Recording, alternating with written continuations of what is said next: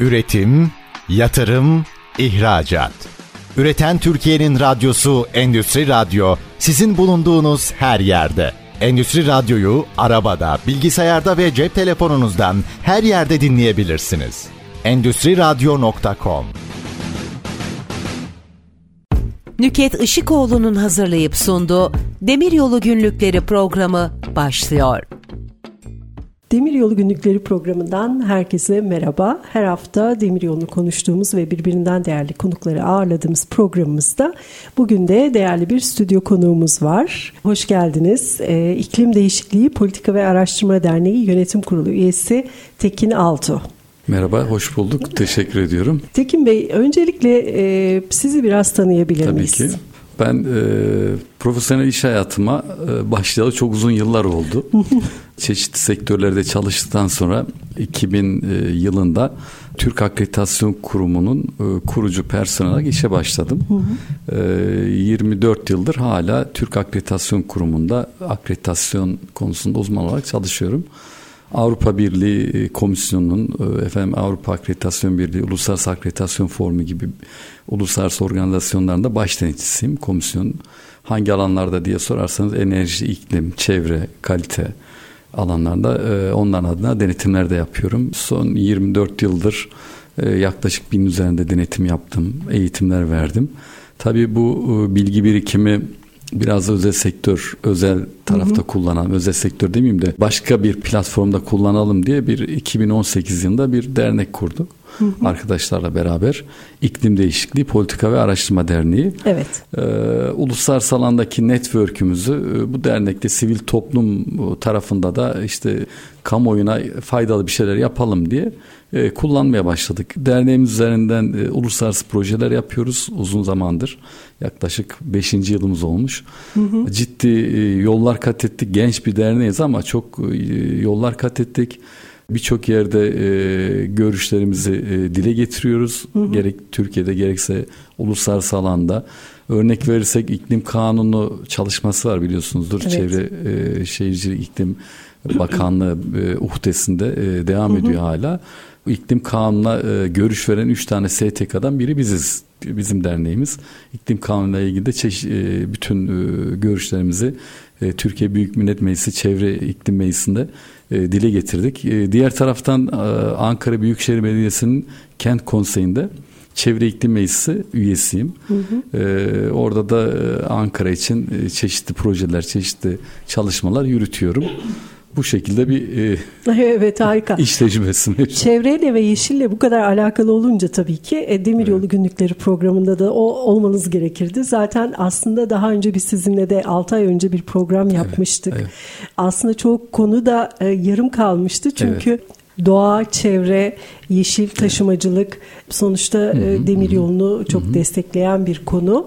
E, bugün de aslında hı hı. geçen programda konuşamadığımız konuları birazcık daha ben e, sizinle detaylandırmak istiyorum. Tabii ki. Tabii ki dünya nüfusu hı. hızla artıyor. E, doğal kaynaklarımız azalıyor. Hı. Çevre kirliliği, hava kirliliği hepimizin gündeminde sürekli hı hı. E, televizyonda, medyada hı hı. bunları duyuyoruz. Doğanın dengesini e, bozarak sürdürülebilir e, sürdürülebilir bir yaşamın önüne e, engel olan temel unsurlar arasında da aslında fosil yakıtların aşırı kullanılması da geliyor. Paris İklim Anlaşması yani yeşil mutabakat e, çok fazla gündemde ve onun peşinden 2018 yılında gene Avrupa Birliği'nin yayınladığı bu sürdürülebilir finans eylem planı çerçevesinde de bir takım stratejiler geliştiriliyor. Geliş, evet. E, ve çok sık duyduğumuz bir kavram e, ortaya çıkıyor. Bu finans sektörü hı hı. bakımından hı hı. E, sürekli böyle yeşil finansman diye evet. bir şey duyuyoruz. Öncelikle yeşil finansman nedir? Şimdi e, ikiye ayırmak lazım. Yeşil finansman bir de yeşil dönüşüme ilişkin finansman. Şimdi yeşil finansman dediğimiz olay şudur. Çevreye duyarlı bir proje geliştiriyorsunuz. E, çevreyle alakalı bir proje geliştiriyorsunuz veya bir işletmeniz var e, çevreye duyarlı bir üretim metoduna geçeceğim diyorsunuz. Yeşil finansman dediğimiz nokta budur aslında. Yani çevreye duyarlı bir e, projedir. Hı hı. Ama e, burada dinleyicilerimiz veya izleyenler diğer kes, halkımız karıştırıyor. Asıl buradaki e, vurucu nokta yeşil dönüşüm finansmanı. Şimdi ne demektir yeşil dönüşüm Hı-hı. finansmanı? Biraz önce sizin de vurguladığınız gibi artık dünya belli bir noktaya geldi. Nedir geldiğimiz nokta? Ee, sanayi devrimi 1750 yılında işte sanayi devrimi başlangıcı buhar motorunun keşfi. Ve demir yolunun ortaya çıkışı. Ha, evet buhar motor. Aynen öyle. Dokuma sektörünün evet. İngiltere'de hızlı bir şekilde işin içine girmesi hı hı. sanayi devrimi başlangıcı, başlangıcıdır. Sanayi devriminin başlangıcıyla birlikte ister istemez insanoğlunun enerjiye ihtiyacı daha da çoğalmaya başladı. Bu enerjiye ihtiyacın da keşfi e, kömürle birliktedir. Kömür de bir fosil yakıttır nihayetinde ve e, günümüz dünyasında da en bilindik fosil yakıt petrol ürünleridir. Şimdi sanayi devriminden sonraki bu hızlı büyümede dünya, dünyanın hızlı bir şekilde gelişmesinde e, elbette ki fosil yakıtlar e, birinci suçlu olarak herkesin gündeminde görülmektedir. Birinci evet. suçlu öyle diyoruz fosil yakıtlar. Şimdi fosil yakıtların e, bizi getirdiği nokta nedir? Yaşadığımız her çevreye zararlı emisyona sebep oluyor. E, nedir bu? Karbon emisyonu diyorlar şey olarak ama aslında e, bilimsel şey sera gaz emisyonları. Evet. İşte karbondioksit gibi, metan gibi, e, hidroklorokarbonlar e, e, gibi çeşitli gazların yani kötü gaz diyebiliriz biz buna. Her şeyin tabii kötüsü zarardır. Ya aslında bu gazlar faydalıdır bir taraftan ama fazlası zarardır. Buna sebep oluyor. İşte bu noktada yeşil dönüşüm. Şimdi işletmelerimizin birçoğu bu fosil yakıtlı enerji kullanıyorlar. İşte kömürde efendim doğalgazla doğalgazın nihayetinde bir petrol üründür veya petrolle artı e, bunların yapmış olduğu çalışmalar çevreye zarar veriyor. Bundan dolayı da yeşil dönüşümün e, sağlanması birinci temel hedef. Ne için birinci temel hedef? Şunun için 1750 e, yıllardaki 1750'deki buhar motoruyla ortaya çıkan sanayi devrimi sürecinde işte önce sanayi devriminden önce dünyadaki ortalama sıcaklık belli bir düzeyde gidiyordu. Sanayi devrimiyle birlikte ortalama sıcaklık artmaya başladı. Neden? İşte bu kötü gazlardan, sera gaz emisyonlarından dolayı. Dünyadaki bu sıcak, ortalama sıcaklık artışı 1.3 derecelere geldi şu anda. 1750'den 2023 yılındayız. Kadar ve bir buçuk dereceyle eğer ki e, sınırlandıramazsak ki bu hedef budur yani ortalama e, sıcaklık artışını bu e, dünyamızı yaşanılmaz hale getirebilme e, ihtimali çok yüksek. İşte bu bir buçuk dereceyle sınırlandırabilmek için de artık e, tabii bilim insanları çok ciddi e, çalışmalar yaptı. 1800 e, şey düzeltiyorum 1972 yılında İsveç'te yeryüzü zirvesi diye bir zirve toplandı. Hı hı. İki, belki birazdan onu da konuşacağız. Bugün evet. Dubai'de devam eden bir toplantı evet. var uzun süredir. E, bunun temeli aslında 1972'de İsveç'teki yeryüzü zirvesi atılmıştır. İşte o, o zirvede e, efendim e, bu bir buçuk derece artışın ilk zikredildiği noktadır zaten. Eğer ki ortalama sıcaklık bir buçuk dereceyle sınırlandırılamazsa bundan 50 yıl önce bakın e, toplantıda hı hı. dünyamız yaşanılmaz bir hal alabilir diye bilim insanlarının ortaya döktükleri çalışmalar bunlar. Şimdi e, bu noktada tabii ki e, biz bu bir buçuk dereceyle artı sınırlandırabilmemiz için bir, yaşam biçimimizi, biçimimiz değişmesi lazım insanoğlunun. İki, işletmelerimizin çevreye duyarlı hale dönmeleri lazım. İşte yeşil dönüşüm dediklerimiz nokta bu. Burada da yeşil dönüşüm finansmanı ki Türkiye'nin yeşil dönüşüm için ihtiyacı olan para 75 ila 100 milyar dolar. Hmm. Ya çok ciddi bir rakamdır evet. bu. İnanılmaz büyük bir rakamdır.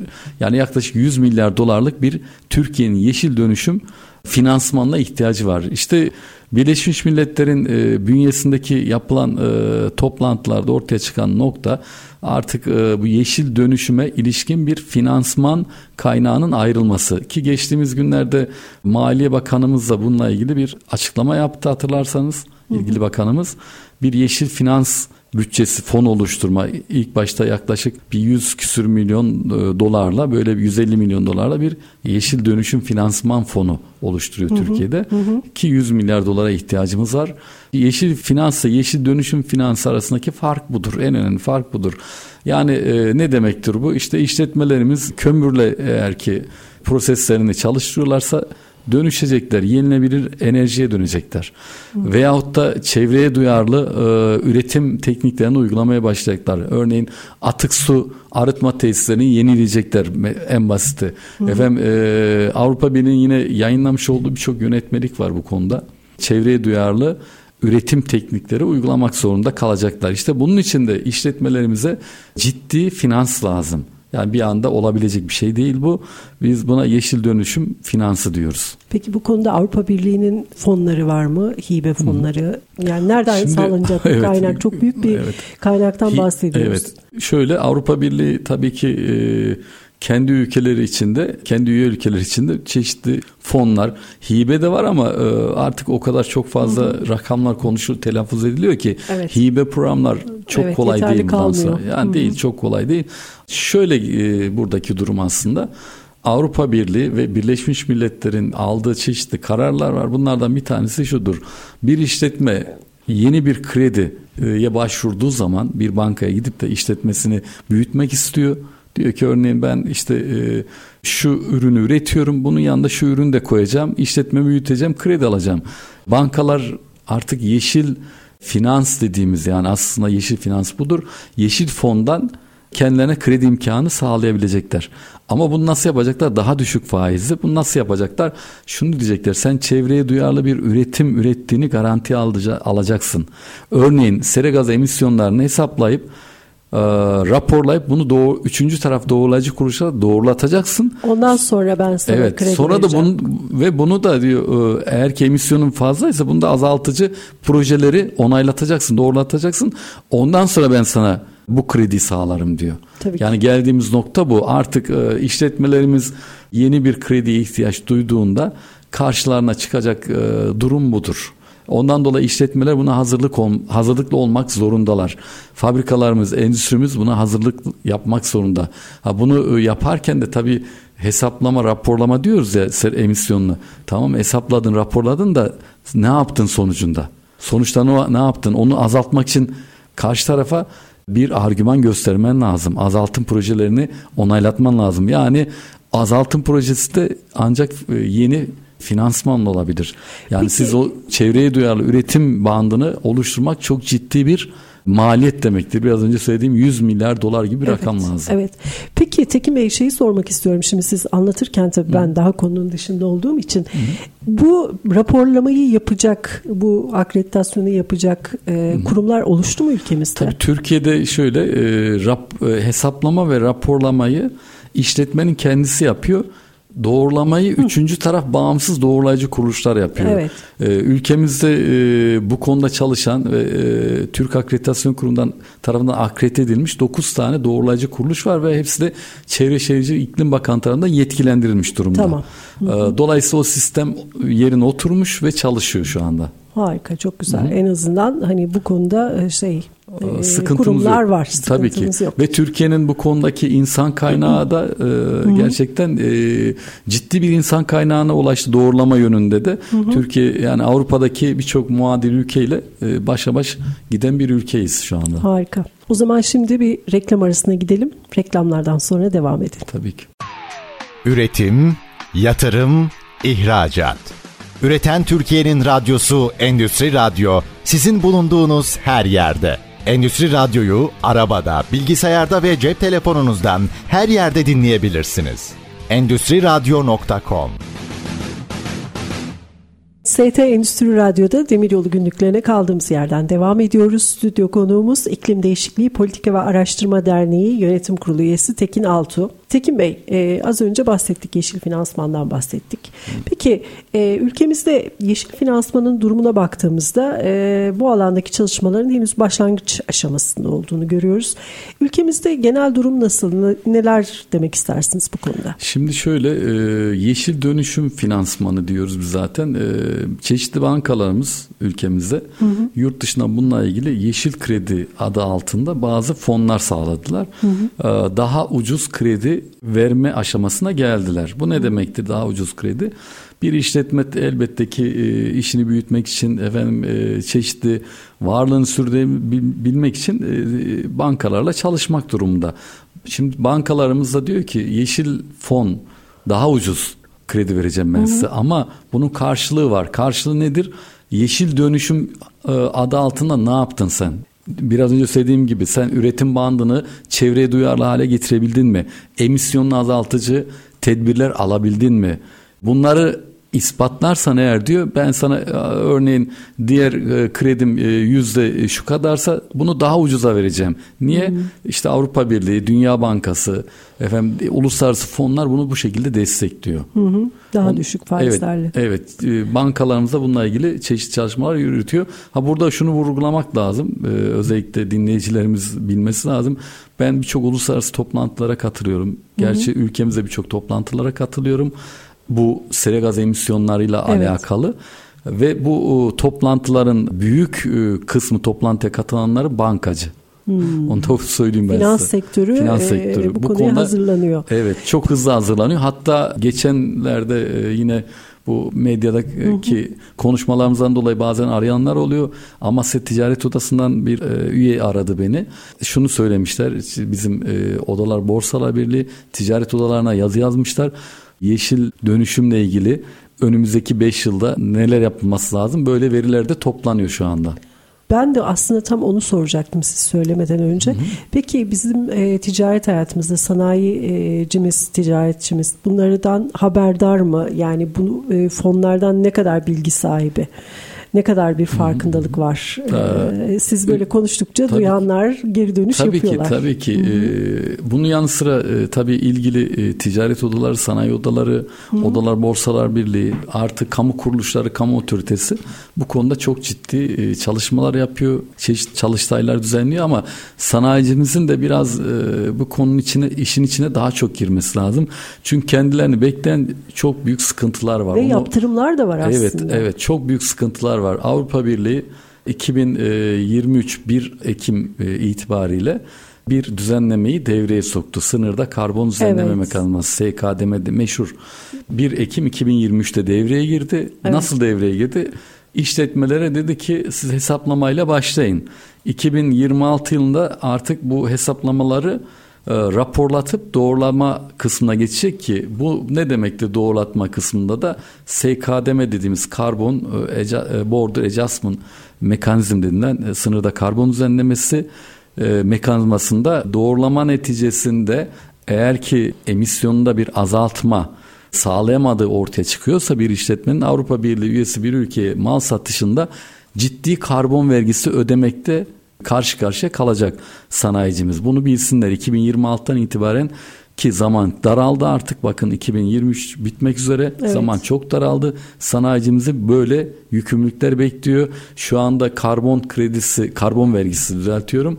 Bir borsa gibi iniyor çıkıyor. Yaklaşık 85 eurolarda şu anda bir ton karbon vergisi. Yani siz bir e, işletme olarak Avrupa Birliği'ne bir mal satacaksınız. Avrupa Birliği diyor ki bu senin e, e, üretici olarak senin diyor sektörün SKDM'nin içine girdiği için diyor senin diyor emisyonun şu kadar ton sen buna azaltım yapmadığın için bu Avrupa Birliği'nde herhangi bir ülkeye bunu satabilmen için bana diyor şu kadar vergi ödeyeceksin karbon vergisi. Bu bir başlangıç Nüket Hanım. Nasıl başlangıç? İşletmelerle başlıyor ama önümüzdeki yıllarda bu e, vatandaşa yani bireysel olarak bizlere dinecek. Ne gibi hı hı. inecek? Örneğin e, ben e, işte gittim markete.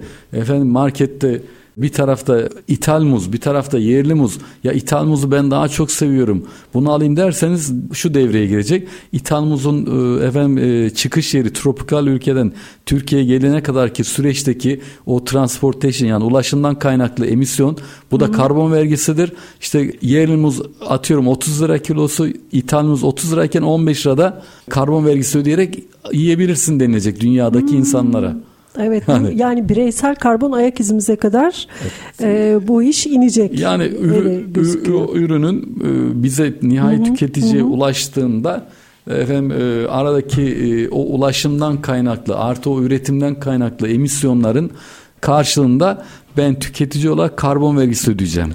Evet işte tam bu noktada yani transport ulaşım dediğiniz anda ben tabii ki konuyu artık demir yoluna getirmek istiyorum. Neden? Tabii ki. Tabii. Çünkü e, bu yeşil mutabakatın işte yeşil finansmanın Hı-hı. alınması Hı-hı. konusunda ulaştırma sektörüne ve özellikle demir yoluna yansımaları nasıl olacak? Siz bir uzman olarak bunu nasıl değerlendiriyorsunuz? Tabii ki. Şimdi Avrupa Birliği'nin e, birçok çalışması var bu konuyla ilgili. E, örneğin Avrupa Birliği e, şunu yapmış emisyon kaynakları araştırılıyor. Ee, Avrupa Birliği'ndeki emisyonların Türkiye'de dahil olmak üzere emisyonların %70 %70 yaklaşık e, ulaşım kaynaklı emisyon. Evet. Yani bu ne demektir? E, karayolu taşımacılığı, efendim e, havayolu taşımacılığı çok ciddi emisyona sebep oluyor. Ama demiryolu tam tersi. Demiryolunu özellikle Avrupa Birliği destekliyor. Emisyon azaltıcı yani karayolunun salmış olduğu emisyonu veya havayolunun salmış olduğu emisyonu efendim demiryolunda böyle bir durum yok tam tersi azaltıcı bir noktaya gittiğini söylüyor. Evet. Ve bu yüzden de Avrupa Birliği'nde çeşitli ülkeler önlem alıyor. Örneğin Fransa dedi ki bunda Mayıs ayında ve Haziran ayında bir saatin altındaki uçuşlarda örneğin Ankara, İstanbul uçak uçmayacak. Ankara İstanbul Fransa işte Paris'te e, Lyon arası atıyorum. Uçak uçmayacak. Ne demiryollara gelip gideceksiniz. Yani İstanbul Ankara gibi evet, mesafelerde evet, uçak evet, uçmayacak. Bunun bunu e, kararını aldı Fransa ve birçok ülkeye de bu yansımaya başladı. Yani domestik uçuşlarda yani yerel Hı-hı. uçuşlarda e, ülke içi uçuşlarda bir saatin altındaki uçuşlarda artık diyor ki uçak gitmeyecek oraya demir yolunu kullanın. Niye? E, hava yolu taşımacılığı çok ciddi bir emisyon kaynağıdır. Evet. Karayolu taşımacılığı keza öyledir. Demir yolu bilakis e, biraz önce söylediğim gibi emisyon kaynağı değil, emisyonu azaltıcı bir argüman olarak görülüyor ki hı hı. bu bu yüzden de sanayicinin de bakın özellikle sanayicinin de şunu bilmesi lazım. Ürettiği ürünü dünya pazarına çıkartacağı zaman demir yolunu kullandığında ciddi e, fonlara, ciddi kredilere ulaşacak. Rekabet avantajı Tabii, Biz buna bir e, e, zincir diyoruz. Tedarik zinciri de bu işin evet. içine giriyor. Siz burada e, İstanbul'da ürününüzü ürettiniz. Efendim e, Almanya'daki bir tüketiciye satacaksınız buradan tırlara yük, yükleyip gönderdim derseniz siz ciddi karbon vergisi ödeyeceksiniz. Dolayısıyla demir yollarının çok güçlendirilmesi lazım.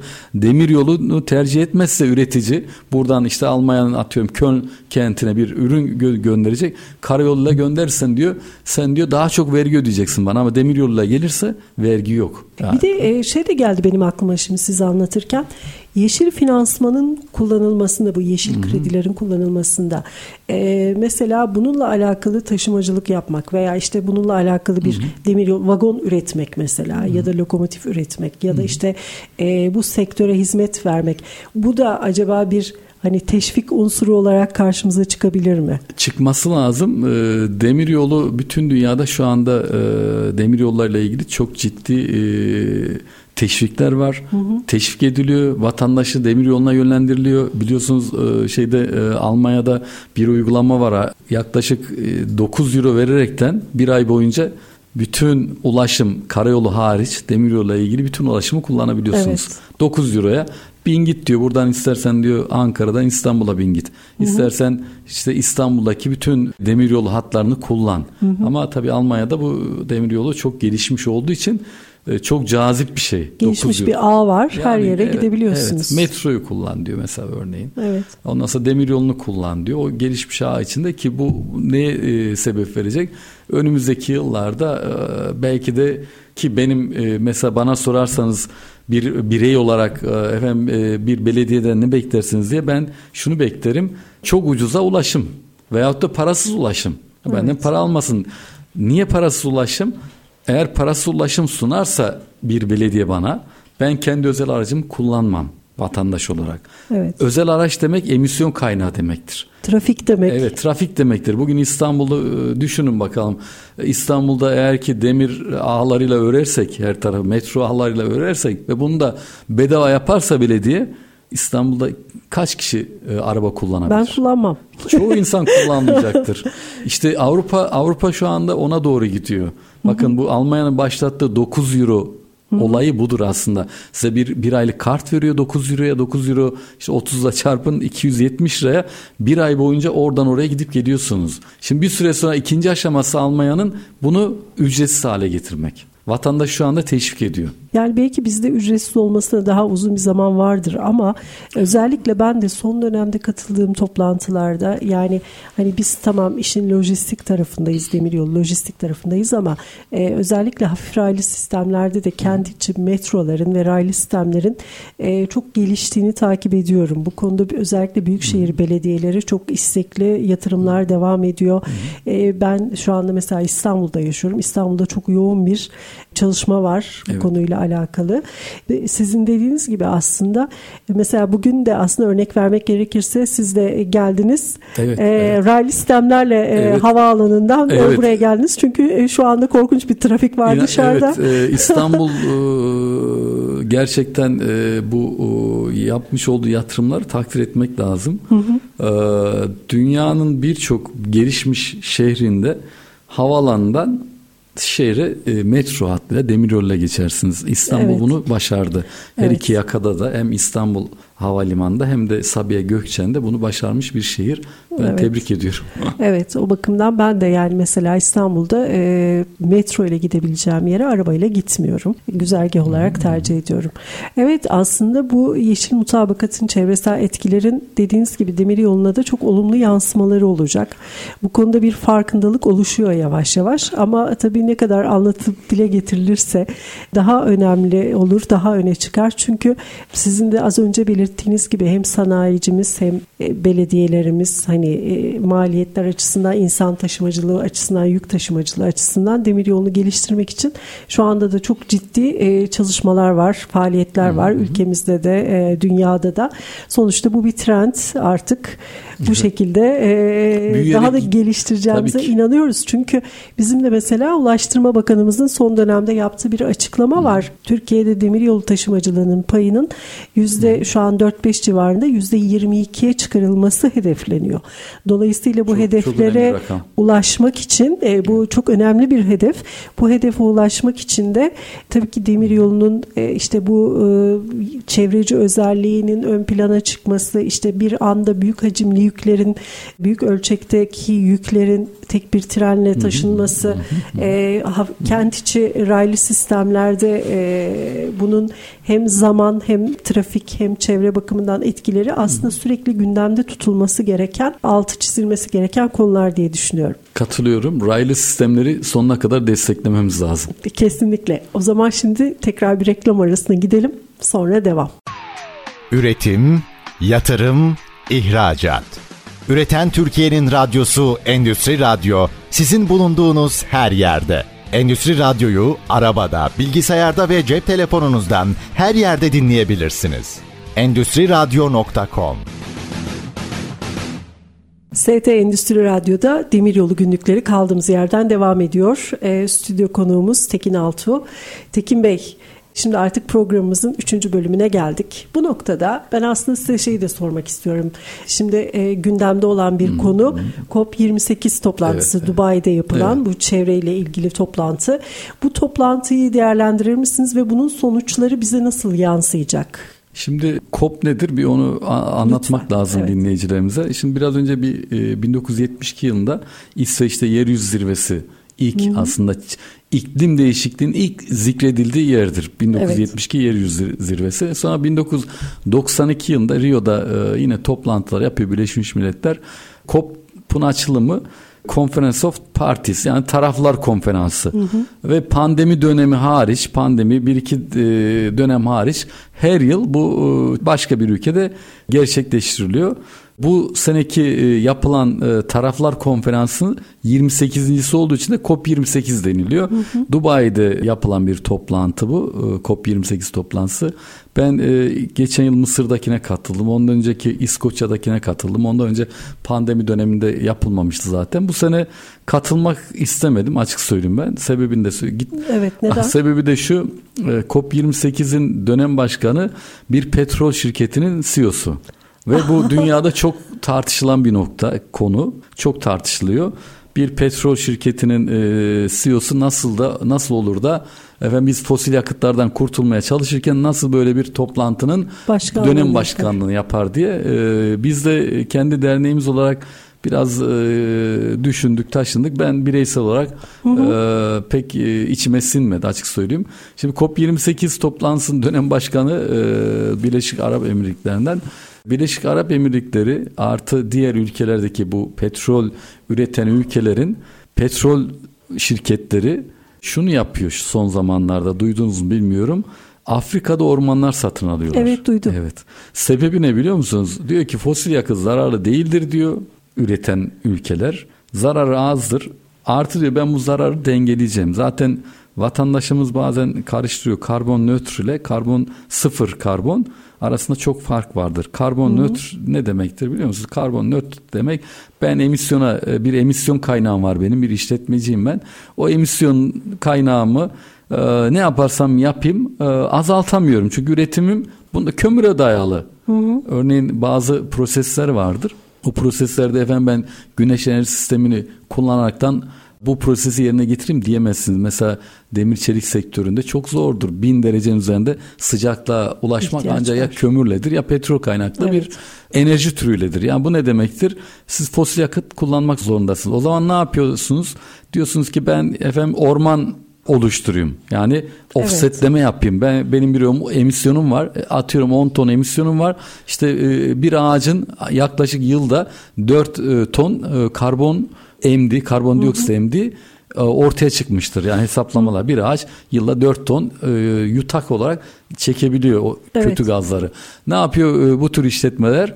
Gidiyor ormanla ormanlaştırmaya doğru veyahut da orman satın alıyor. İşte bu petrol şirketleri de Afrika'daki ormanları kapatıyorlar şu anda. Hmm. Ha tabii dünya buna diyor ki greenwashing yapıyorlar. Ne demektir greenwashing? Yeşil badana.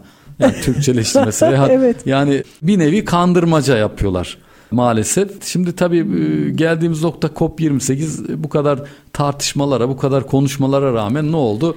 E, Dubai'de yapılmaya başladı. 30 Kasım'da başladı. 12 Aralık'ta bitecek. Şimdi bu taraflar konferansında ciddi e, çalışmalar, bilimsel çalışmalar yapılıyor.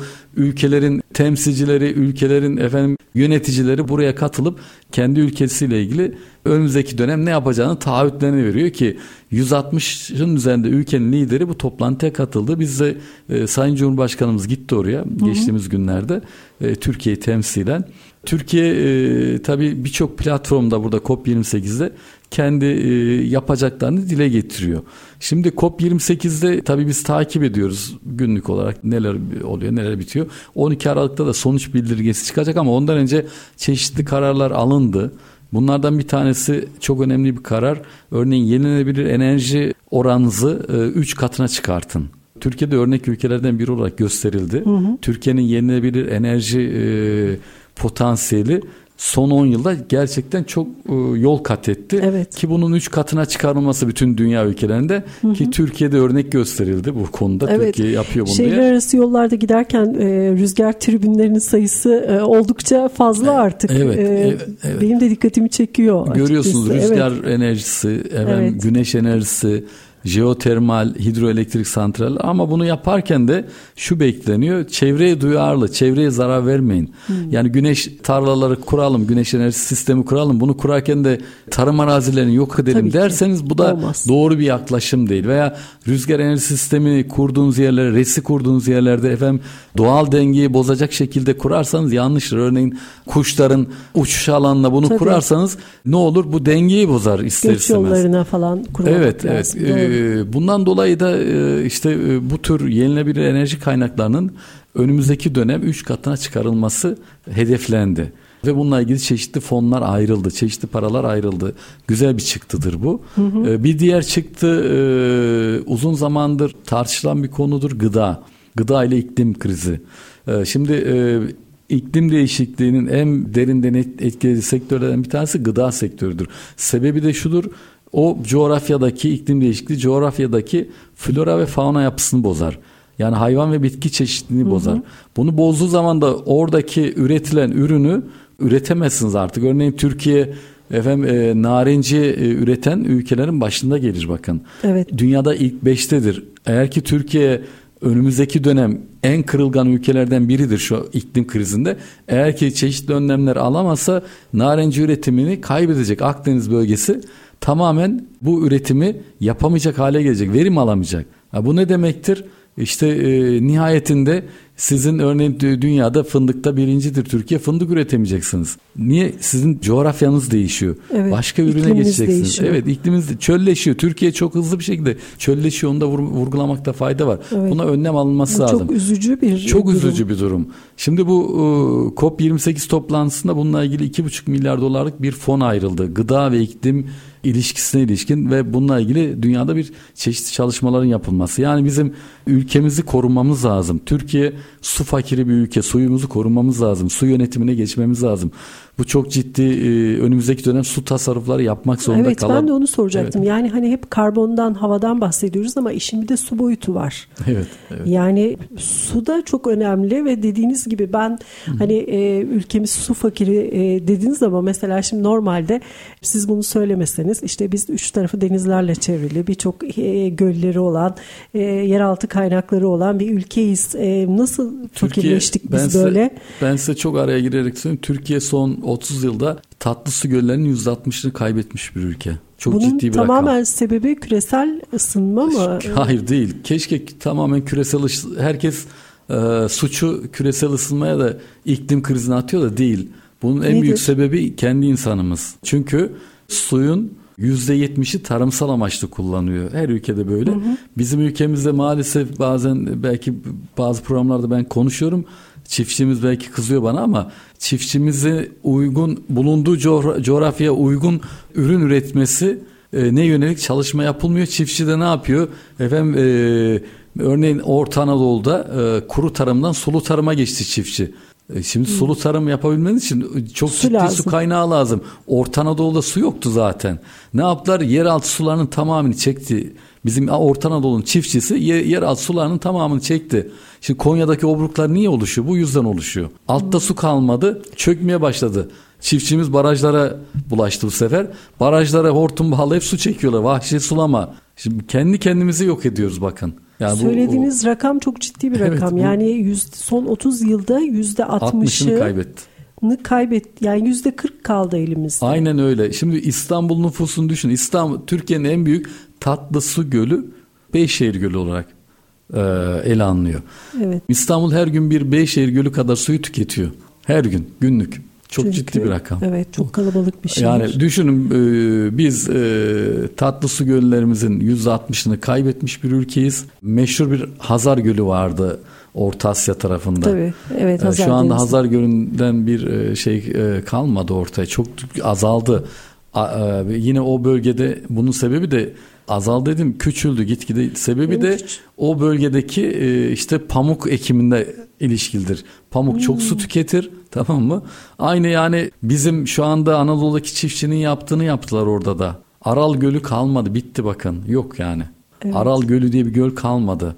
Hazar Denizi küçüldü. Bunlar çok üzücü yani tabii. Bunlar, yani Aral e, Gölü falan bizim... Bitti yani şu anda kurumuş durumda. Girin internetten baksın evet. dinleyicilerimiz. Hazar Denizi küçülmüş durumda. Sebebi bu, budur. Bilinçsiz tarımdır. Bakın bilinçli tarıma geçmek zorunda Türkiye. Çünkü su suyunun bir ülkenin suyunun %70'i tarımsal amaçlı kullanıyor. Çok ciddi bir rakam bilim temelli, bilinçli tarıma geçmezlerse önümüzdeki dönemde suyla ilgili de başımız çok ciddi belaya girecek. Hatta şu anda gir- girmek üzere gibi bir rakam bu yani. Evet. Her gün şu son yağmurlara kadar her gün hava e, rapor sunan kanallarda evet. İstanbul'un barajlarındaki oran %18'lere düştü, %17'ye düştü, aşağı doğru gidiyorduk. Evet. Şimdi evet. yağmurlar bakın o kadar yağmur yağıyor, %1 bir anca artıyor. Evet. Yani hiçbir işe yaramıyor dikkat etsen yüzde bir bir. Çok ciddi kar yağması lazım bu ülkeye. Evet. Ondan sonra suyu e, bilinçli kullanması lazım. E, bütün kullanıcı, vatandaş da öyle, üretici de öyle. Bunun temelinde çok ciddi bir Türkiye'nin su yönetimine ihtiyacı var. Kesinlikle. Valla çok güzel bilgiler verdiniz Tekin Bey. Çok teşekkür ediyorum. Ee, biz demiryolu günlüklerinde hep demiryolu konuşuyoruz ama bu bahsettiğiniz konular tabii ki hani demiryolu ulaşım kısmı da e, çevrenin içinde. Fakat e, bu diğer söyledikleriniz de beni şu anda e, çok çok üzüldüm ben. E, tabii maalesef, ki e, maalesef. gündemi takip ediyoruz bir şeyler biliyordum ama hani bu, bu rakamın bu kadar büyük olduğunu e, şu an ben de e, sizinle beraber e, yani öğrendim sizden öğrendim öğrendim. Ee, Şimdi e, temelimiz şu, son hı. bağlayayım ben. E, Lütfen. E, her konuda bilinçli bir toplum oluşturmak zorundayız. E, su yönetimi çok önemli. Efendim gıda yönetimi çok önemli. Üretim çok önemli. Sanayicimiz çok önemli. Bunların en büyük e, nihai gittiği noktada biraz önce söylediğim gibi e, emisyonların %70'i e, ulaşım kaynaklı. Bunu azaltmanın yolu da demir yollardır. Yani üreticinin ürettiği ürünü demir yolla taşıyacak, vatandaş kendisini demir yolla taşıtacak. Bu ağları kurmamız gerekiyor. Evet. Zaten bizim bu programın çıkış fikri de buydu. Bu konuda bir farkındalık evet. yaratmak istiyoruz. Herkes de, dinleyen her kişi de. Çünkü e, bu hepimizin ortak faydasına, ülkemizin, dünyamızın yararına olacak bir konu. O yüzden e, çok teşekkür ediyorum size. Ağzınıza sağlık. Çok kıymetli bilgiler verdiniz ve e, raylı sistemleri kullandınız ama Ankara'dan kalktınız geldiniz. Teşekkürler. E, çok teşekkür ediyorum tekrar. Sevgili dinleyicilerimiz bu haftada bir programımızın daha sonuna geldik. Haftaya Demiryolu günlüklerinde yeni konularımız ve konuklarımızla tekrar bir arada olmak üzere. Hoşçakalın, sağlıkla kalın.